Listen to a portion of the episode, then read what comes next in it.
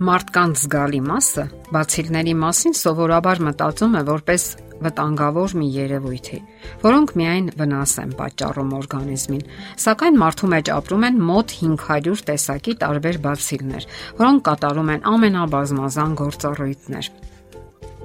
Այսպես,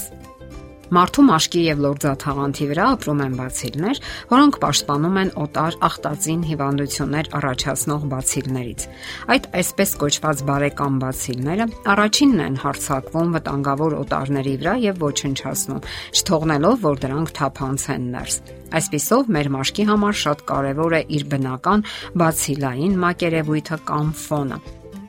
Ցավոք այսօր քիմիական արդյունաբերությունը սկսել է վնասել այդ բնականon ֆոնը։ Ավելի ու ավելի շատ մարդիկ են կանոնավոր օգտագործում տարբեր բացիլասպան լվացող միջոցներ, մասնավորապես հակաբացիլային օճառներ, որոնք ոչնչացնում են օգտակար բացիլներին կամ այսպես կոչված սապրոֆիլներին։ Նշենք, որ այդպիսի օճառները խորհուրդ է տրվում կերծվածքների, կտրվածքների ժամանակ, սակայն դրանք անընդհատ օգտագործել հազիվ թե կարելի է արդարացված համարել։ Այսօր ամբողջ աշխարհում ավելի ու ավելի շատ ապացույցներ են հայտնվում այն մասին, որ այսպես կոչված այդ հրաշք միջոցների մշտական ազդեցության հետևանքում բացիլները իրենք են սկսում կատաղի դիմադրել անտիբիոտիկներին։ Օրինակ, ստաֆիլոկոկերի որոշ տեսակներ սկսել են ավելի քիչ արձագանքել նույնիսկ այնպիսի ուժեղ զենքի, ինչպիսին է վանկոմիցինը։ Դեռևս 1988 թվականին աշխարհի հեղինակավոր գիտական ամսագրերից մեկը Nature հայտնեց, որ տրիկլոզան քիմիական նյութը, որը մտնում է հակաբացիլային լվացող նյութերի մեծ մասի մեջ, ընդունակ է մուտացիաներ առաջացնել մի շարք բացիլների մեջ։ Իսկ բրիտանացի գիտնականների ուսումնասիրությունները ցույց են տվել, որ ստերիլ միջավայրում կյանքը վտանգավոր է մարդկանց առողջության համար։ Նման միջավայրի դեպքում մասնավորապես մեծանում է ռիսկը տարբեր ալերգիաներ առաջանալու առումով։ Ցավալի է, սակայն մենք նույնպես չգիտենք, թե որքան երկար կարելի է օգտագործել օգտագործել այդ հրաշքոճառները եւ երբ կարելի է կանգ առնել։ Դրանց պատճառով մեր մաշկը հաճախ կորցնում է իր դիմադրողականությունը։ Չի բացառվում, որ ստերիլ վիճակի հասցնելով մեր մաշկը, մենք դրանով ճանապարհ ենք հարթում այլ ավելի վտանգավոր բացիլների համար, որոնք արդեն անարգել թափանցում են մեր անպաշտպան օրգանիզմը։ Մարմնի հանդեպ ծայրահեղ խնամքը կարող է հանգեցնել նրան, որ խախտվի մեր մաշկի բնականon միկրոֆլորան եւ դրանով հրահրվեն տարբեր հիվանդություններ։ Կարիք չկա նաեւ հրապուրվել ամեն տեսակի գովազդներով, որոնք անընդհատ ինչ որ հրաշքներ են առաջարկում մեզ։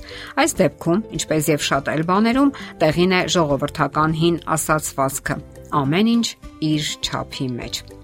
Իսկ այժմ անդրադառնանք կոսմետիկ արդյունաբերության վտանգներին։ Կոսմետիկ արդյունաբերությունը օգտագործում է քիմիական նորամուծություններ, որոնք սակայն բազմաթիվ վտանգավոր նյութեր են պարունակում եւ որոնք վնաս են հասցնում մարդու առողջությանը։ Բնական նյութերն օրինակ վնաս չեն հասցնում, սակայն բավականաչափ թանկ են եւ դեռ հայտնի չէ, թե որքանով են դրանք բնական։ Քիմիան եւ կոսմետիկան կարելի ասել անհամատեղելի հասկացություններ են։ Դրանք աստիճանաբար կուտակվում են օրգանիզմում եւ ժամանակի ընթացքում բացասական հետևանքներ են ունենում կարող են առաջանալ ալերգիաներ, քոր, բշտիկներ։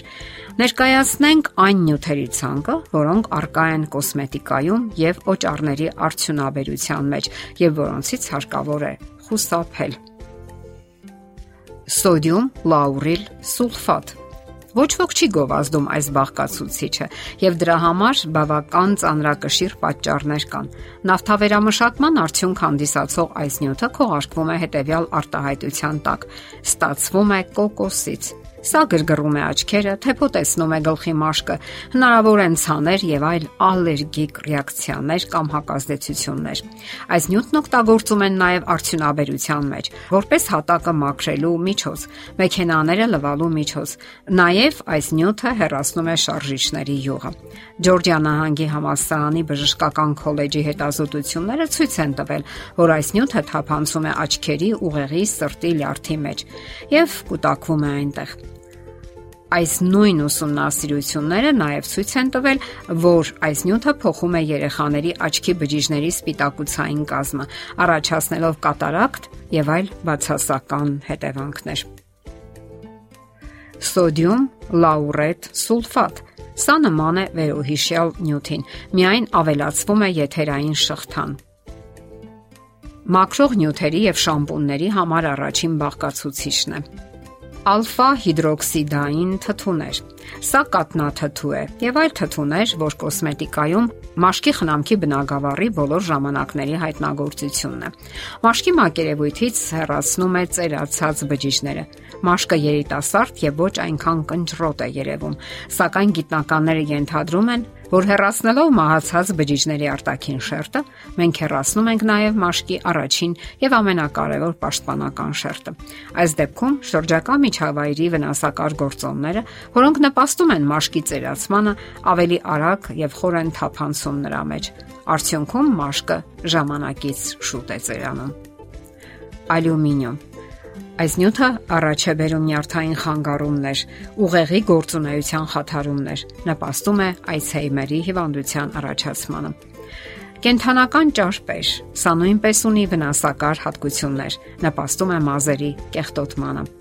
կոլագեն։ Թեև շատ ընկերություններ պնդում են, որ այս նյութն օգտակար է, այնուամենայնիվ ուսումնասիրություններն ապացուցում են, որ սա կողմնակի նյութ է օրգանիզմի համար եւ վնասում է մաշկի ծակոտկենները, թույլ չտալով, որ ջուրը գոլորշիանա եւ այլն։ Այսքանով սակայն չի ավարտվում օրգանիզմի համար վնասակար նյութերի ցանկը։